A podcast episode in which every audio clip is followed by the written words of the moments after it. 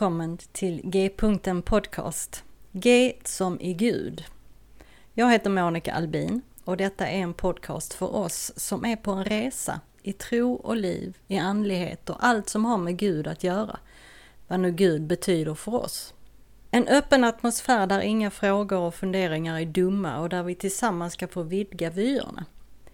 G-punkten betyder att Gud är mittpunkten, i centrum av samtalen och genomsyrar allt och alla.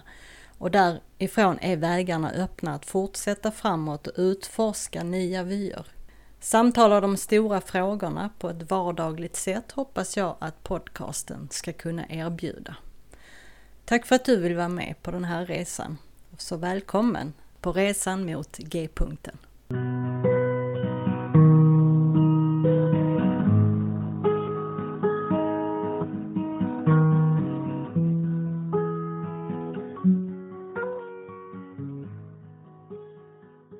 Idag börjar säsong två och den kommer att vara hela våren.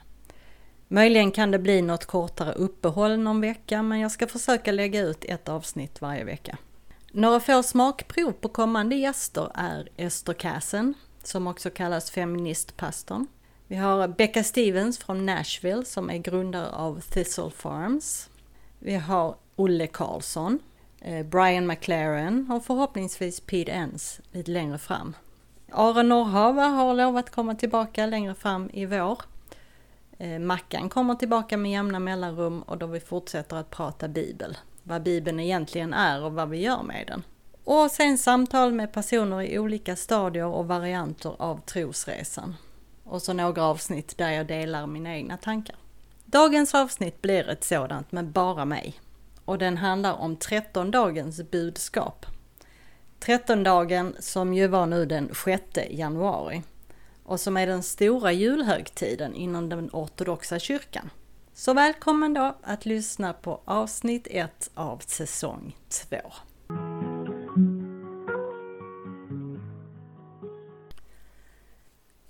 För några dagar sedan så var det ju trettondag jul den 6 januari.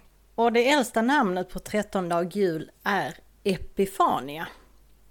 Epifania betyder uppenbarelse. Vi kan tänka på det engelska ordet epiphany. Det betyder ju som sagt uppenbarelse och den här dagen firar man att Jesus uppenbaras som Guds son. Eh, Josef och Maria, efter att Maria har fött Jesus så har de nu fått rum på härberget, kan vi tänka oss, eller någon annanstans. Eh, men fortfarande så är det bara känt i en liten krets vad som verkligen hade hänt. För änglauppenbarelsen den skedde ju ute i ödemarken och utanför herdarnas krets så var det inte så många som visste att Messias nu var född. Och uppenbarligen så hade ju inte nyheten nått fram till Jerusalem i alla fall.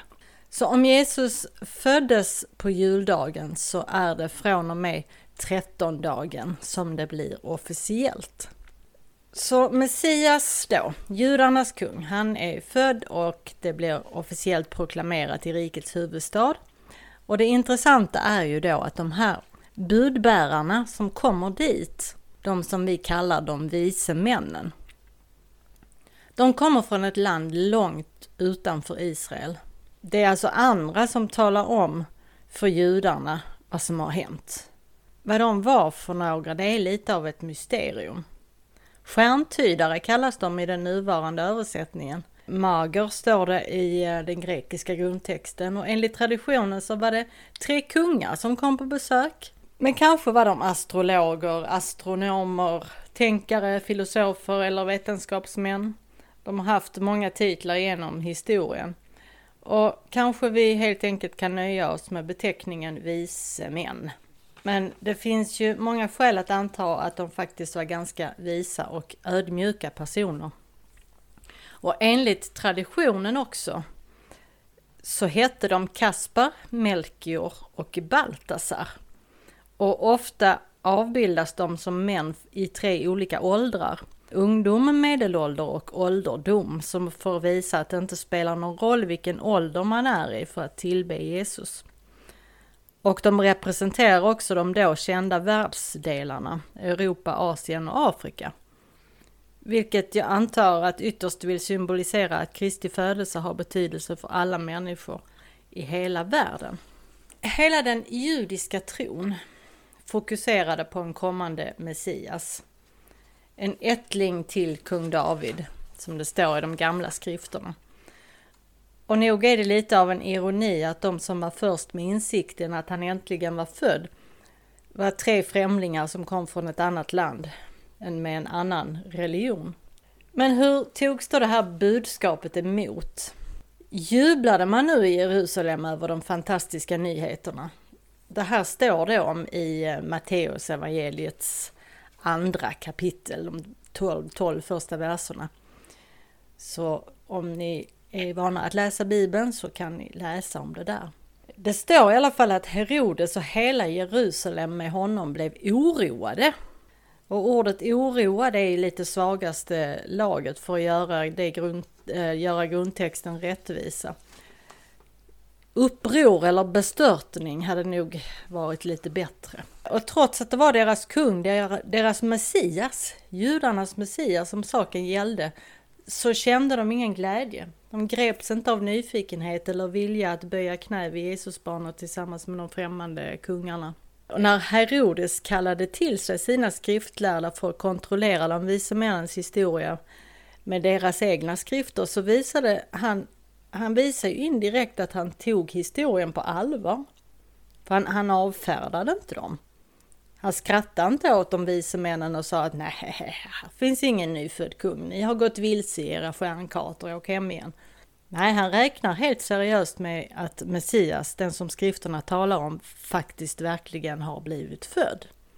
Och ändå så vet vi hur denna maktgalne despot då gjorde. I vers 16 står det att när Herodes märkte att han blivit lurad av stjärntydarna så blev han ursin, ursinnig och lät döda alla gossar i Betlehem och dess omnejd som var två år eller därunder. Usch. Han tvekade alltså inte att döda alla gossebarn i Betlehem bara för att vara på den säkra sidan att verkligen ha krossat Messias också. Hans egen Messias. Men så blev det ju inte. Herodes var en person som där makten hade stigit honom över huvudet. Makten betydde allt för honom. Han var verkligen en brutal despot. Han drog sig inte för att döda de som stod i hans väg eller som han misstänkte skulle stå i hans väg. Till och med hans egen familj.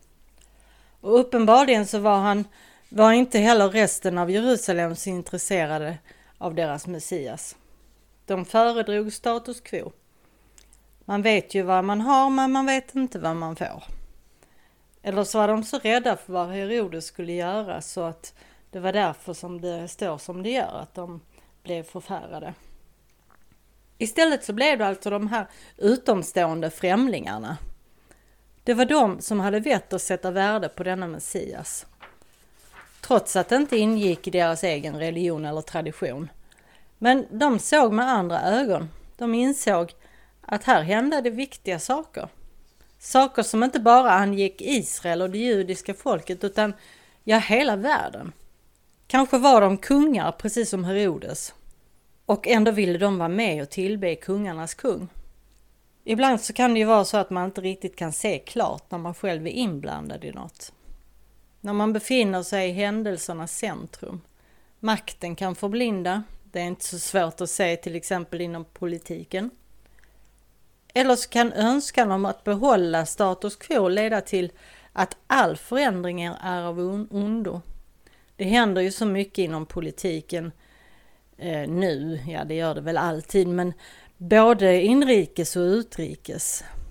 Är det bra eller dåligt? Ja, det kan vara svårt att se klart och vi vet inte vad som kan leda till, vad det kan leda till i förlängningen.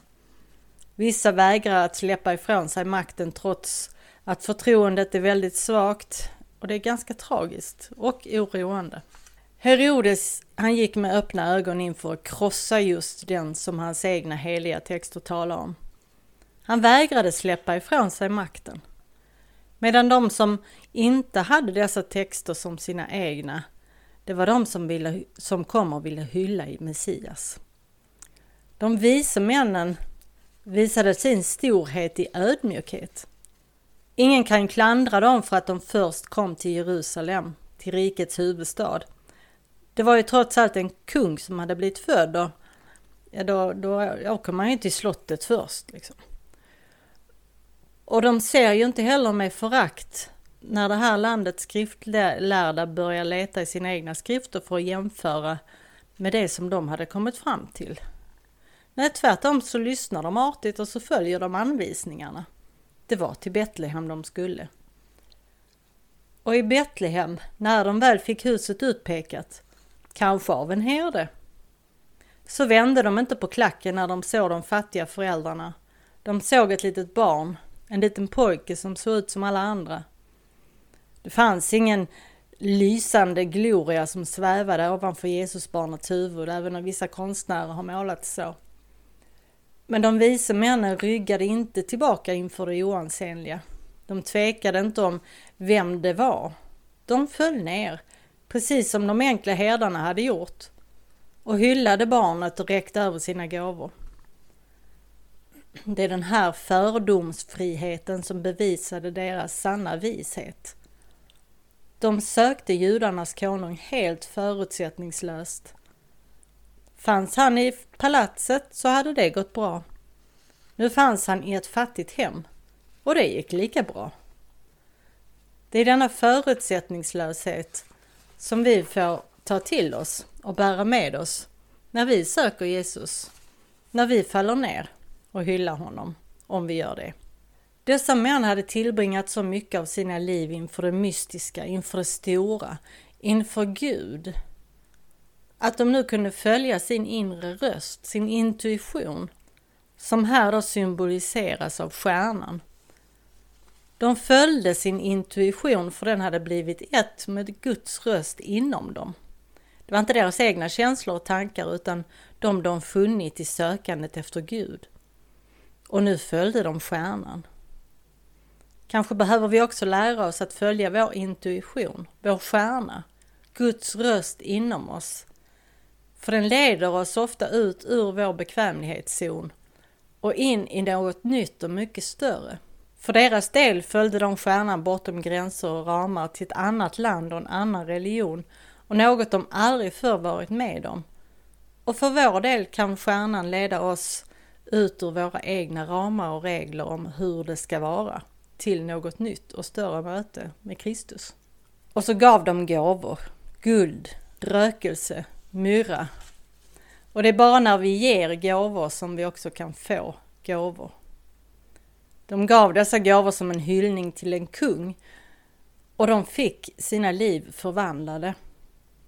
Gåvan de fick tillbaka var ett helt nytt liv, ett stort mysterium. De förstod att Gud är större, att Guds makt är så stor att den kommer som ett litet barn. Den kommer underifrån, inte ovanifrån. Den mognar, gror, växer sig starkare genom varje enskild kärlekshandling. Varje enskild kärleksgåva vi människor ger till varandra. De böjde sig och tillbad barnet de gav de finaste gåvor, kungliga gåvor. Och deras liv förvandlades från den stunden. Ja, det vågar jag nog påstå. De kan ju i alla fall inte säga emot mig. Och här, här är kanske en utmaning för oss alla. För visst vill väl vi alla ha ett tillfredsställande liv? Något som är, verkligen är värt att leva för. En stjärna att följa. Något att böja oss inför som är större än oss själva. En uppenbarelse av vad som är viktigt. Vi har ett begränsat antal dagar i livet och de ska vi ta vara på. Så fundera på, vad söker du? Vad vill du ge? Ge ut av dig själv. För där du ger får du ju också tillbaka. Så de vise männen de sökte Gud och fann honom på en plats de säkert inte tänkt sig från början. Så kanske berättelsen handlar om hur vi lever våra liv, speciellt om vi säger oss vara kristna, om vi säger oss vara Jesus efterföljare. Och även hur det ser ut i det land vi lever i. Och hur vi kan föregå med gott exempel i ett sådant klimat. Vad är just din utmaning? Vad kan få dig ut ur din bekvämlighetszon? Och vad kan få dig att korsa gränser? Det behöver inte vara till ett annat land och en annan religion, men steget kan ju vara nog så stort ändå. Men där du väljer att ge ut, att ge av dig själv, där får du också ta emot.